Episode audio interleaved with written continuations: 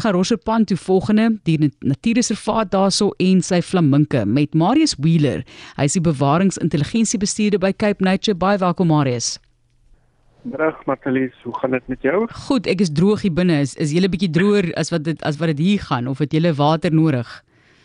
Ja, ek is hier op die Weskus in Portugal en ehm uh, hier is dit ook maar nat, maar lyk like my die grootste klomp skade is maar daar in die Suid-Kaap rond. Gee vir ons 'n idee van die Rosserpan Natuurreservaat, vertel vir ons meer daarvan. Uh eh, Matalies, die reservaat ehm uh, hy lê omtrent so 180 km noord van Kaapstad as jy nou met die R27 opry Weskuspad reguit opgaan. Net so eentjie buite Dwarskerfbos, daar so kry jy dan 'n uh, Rosepana Natuurreservaat. Um, dit word bestuur deur Cape Nature.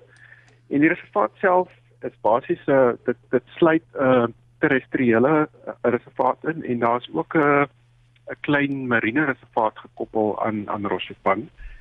En basies ehm uh, dit is in alle 1967 uh, 67 verklaar. Dit was destyds deel van 'n uh, 'n plaas wat deur uh, meneer P Roscher uh besit is en hy het toe uh, dit is maar waar die naam van afkom uh jy weet uh, Roscherpan is maar 'n verwysing na oom oom P Roscher wat destyds die uh, plaas besit het. En ja, uh dit is maar uh daar's drie tipe drie tipe veldtipes wat ons daar kry in die reservaat uh waarvan twee bedreig is. Maar eintlik maar die belangrikste deel van Roscherpan is natuurlik die vlei land dit is eintlik maar die grootste en die en belangrikste ekologiese element in die reservaat wat dan nou jy weet die habitat skep vir allerlei voëlspesies wat uh, wat daar kan voorkom en daar broei. En ons het ook so klein bietjie toerisme wat ons op die reservaat doen.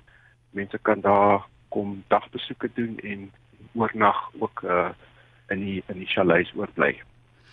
Nou kyk Marius, ek kan nie vir jou sê of dit daar was nie, maar ek onthou dit baie baie goed as kind het ek so 'n kolonie van flaminke gesien. En ek onthou ek en my suster het nog die pragtige rooi pink en ek salm kleurige vere opgetel en van dit saamgevat huis toe want daar was so baie vere gewees op die so half op die sand ook. Ons het so baie daarvan opgetel en dit was regtig iets wonderlik om te besigtig. Of dit nou daar was weet ek nie maar ek sal wil dink dit is naby genoeg aan ons dat dat ons dit daar besigtig het as kinders. Maar vertel vir ons 'n bietjie meer van flaminke en hulle herkoms want soos wat ek verstaan kyk jy meer die Karibiese eilande die Amerikas en ek wil net noem dis ook vir my baie mooi 'n groep van flaminke in Engels word genoem 'n flamboyants. Is dit nie mooi nie? En in Afrikaans kan ons hom seker maar sê spoggerig of flamboyant 'n flamboyant groep groepering van flaminke maar is hulle endemies? Wat wat maak hulle in Suid-Afrika? Wat Elise, ja, is interessant jy noem die woord flamboyant. Ja, dit is nogal 'n dit is eintlik nogal 'n mooi naam vir 'n groep flaminke. Uh maar om terug te kom, uh, wie daar ses spesies uh, flaminke in die wêreld, uh waarvan twee natuurlik op Rossepan sal voorkom uh of in Suid-Afrika. Uh, in Afrika het ons basies twee spesies wat hier voorkom. Dis die groot flamink en die uh, klein flamink. Uh, en en albei van hulle kom ook op Prosopan voor en dan die ander flaminke, die ander uh vier spesies kry jy in uh in die Amerika, Amerikas. Uh maar wêreldwyd kom hulle voor in in Amerika, Suid-Amerika, Afrika, as ook in Asië en en dan in die suidelike dele van Europa. So hulle is 'n redelike groot verspreide groep voëls. Soos ek sê, die uh die groot flamink ehm uh, hy kom hier by ons voor sal ek sê hy is die grootste hy is die grootste van die vloeiend spesies wêreldwyd. En hy basies kom voor hoe sal ek nou sê in Afrika oostelike Afrika uh van suidelike Afrika af deur oostelike Afrika tot in Indië en die Midde-Ooste kom hy voor. En hy broei hoofsaaklik op twee op twee plekke en dit is in Namibië en in Tosha in die Tosha Panna en dan oorlik uh, in Botswana in die Suapanne. Dan die ander spesies wat ons hier by ons kry is die klein flamink en dit is natuurlik die kleinste een van die flamink spesies. En dieselfde met hom, hy kom ook in Sub-Sahara voor uh, en hoofsaaklik in die Riftvallei in Afrika tot tot so ver as uh, Indië ook, maar hoofsaaklik sal ek sê in Afrika. En die klein flamink broei hoofsaaklik op drie plekke en dit is in ook in Tosha in Sopan in Botswana en dan natuurlik hulle groot broeilokaliteit is in uh Lake Natron in Tanzanië. Dit is waar hulle hoofsaaklik broei die klein flaminke. So ja, hulle trek maar so rond. Ehm uh, hulle vlieg hoofsaaklik in die nag rond en jy weet dan skuif hulle maar so van van Afrika af suid uh al langs die ooskus af. En dit is waar ons flaminke wat hier by ons voorkom ook maar van afkom. Uh hulle vlieg maar rond en hulle skuif so oor die kontinent kontinent rond. Hulle broei hoofsaaklik maar in die somer so uh dit is uh, jy sal ook oplet uh, ek weet nie of jy luisteraars opgelet het baie keer kry jy die flaminke hier by ons en ander kere dan raak hulle heel weg en dit is maar natuurlik wanneer hulle skuif en gaan broei weer in die in die uh verder in Afrika op. So, hoekom kies hulle byvoorbeeld vir Rosserpan om daar tyd te spandeer, tyd te verwyl? Is hulle op soek na water en dan ook 'n vlakwatermassa? Ja, maar verlies die die flaminke hou oor die algemeen maar van vlei lande en vlakvlei lande en die klein flamink kan ek uh, hy is hy kan ek uh, hy kan kan om die waarde sê redelike brakwater hanteer so hy sal selfs in jou geteymonde ingaan en in jou soutpanne ingaan. En dit is hier die Weskus, uh, langs het ons maar verskeie vlei lande waar hulle voorkom. Natuurlik as ons nou kyk na die Weskus, uh die Olifantsriviermond is een van die areas waar hulle voorkom. En dan ook verder af Jakkalsvlei, Verlorenvlei, Rossepan is een van daai vlei lande. En dan natuurlik die groot twee vlei lande is uh die Bergriviermond en 'n uh, langebaan lagoon. Dit is dit is basies die die groot vlei lande op die Weskus waar hulle voorkom. So dit is basies hulle suid suidwestelikste uh, punte waar hulle gaan voorkom uh hierso in die Wes-Kaap. Wat eet hulle? Jong, hulle eet hoofsaaklik, hulle is omnivore. Ek gaan vir jou miskien so 'n bietjie vertel van hulle dieet.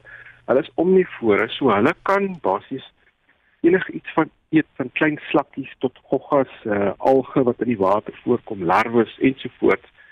En dit is ook hoekom hulle so pink is. Ehm um, hulle tel die pigment uh, of die keratin wat hulle optel in hulle kos is wat dan nou aan aan hulle hulle pink kleur gee. En dit is ook hoekom as jy 'n 'n 'n grys flamink sien, dan is dit teen 'n jong flamink want hy het nog nie sy pigment gekry nie en dit sal eers na so 2 2 3 jaar sal daai kleure begin uitwys dan. En dan miskien so aan aan 'n paar interessanthede omtrent die eh uh, flaminke is hulle hulle kan tot so 20 30 jaar oud word. Uh, ons het al van hulle gehad wat tot en met 60 jaar kan oud word in gevangenskap of in 'n uh, soos 'n uh, uh, uh, ja, onder menslike ehm uh, bestuur. En dan hulle vlekspan is gewoonlik so tussen 1 tot 1.5 uh, meter. En uh wat is daar nog? Hulle is baie sosiale voëls. Dit ja. is baie interessant. Hulle hulle paar ook vir lewenslank. Die mannetjie en die wyfie vorm 'n band en hulle is hulle is vriende vir vir 'n lewens lewenslank. En ja, hulle is eintlik maar baie geharde voëls. Jy weet hulle bly in habitatte wat baie ekstreem is en uh jy weet baie van hierdie plekke waar hulle broei is verskriklik sout. Die die sout en die minerale is baie hoog.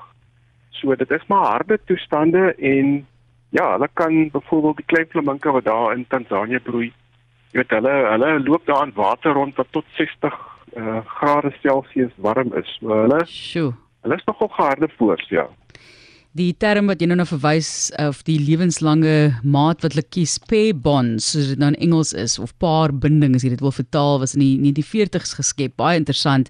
Die pragtige flaminke wat ons ervaar het en mense kan hulle kom besigtig daarso Marius by Cape Nature. Hoe maak 'n mens? Ja maar wie dankie. By Cape Nature ons het uh, ons het juis hierdie week as deel van ons jaarlikse toegangsweek wat nou die komende week is tussen 23 en 29 September is daar 24 van ons reservate wat oop is waar ons gratis toegang bied vir die publiek. So mense is byvoorbeeld welkom om na Rosepante te kom en om te kom sien die die water daar met die flaminke en natuurlik 'n hele klomp ander voëllewe wat daarmee saamgaan. En ja, as mense belangstel, ons het 'n kompetisie wat ons op die oomblik op ons webblad aan uh, hardloop waar mense uh, gratis verblyf kan wen En indien mense wil uh, meer weet, kan hulle net na ons webblad toe gaan. Dit is capenature.co.za of hulle kan ons ook kry op ons sosiale media platforms. Baie baie dankie. Dit is so interessant. Gaan kyk gerus en ek dink regtig dit is waar ek was, maar ek was baie klein. Ek wens ek ek kan nou vra en iemand gaan my help om te onthou. Miskien moet ek maar my suster oor see bel. Sy sal vir ons kan help dalk. Maar ons sê vir jou baie dankie. Marius Wheeler is die bewaringsintelligensiebestuurder by Cape Nature en dis die Rosserpan Natuurreservaat waar ons nou saam met hom gekuier het en die pragtige flaminke gaan besigtig het. Baie dankie aan jou Marius en sterkte met die harde werk wat julle ook doen om hierdie wonderlike fauna van Suid-Afrika te bewaar.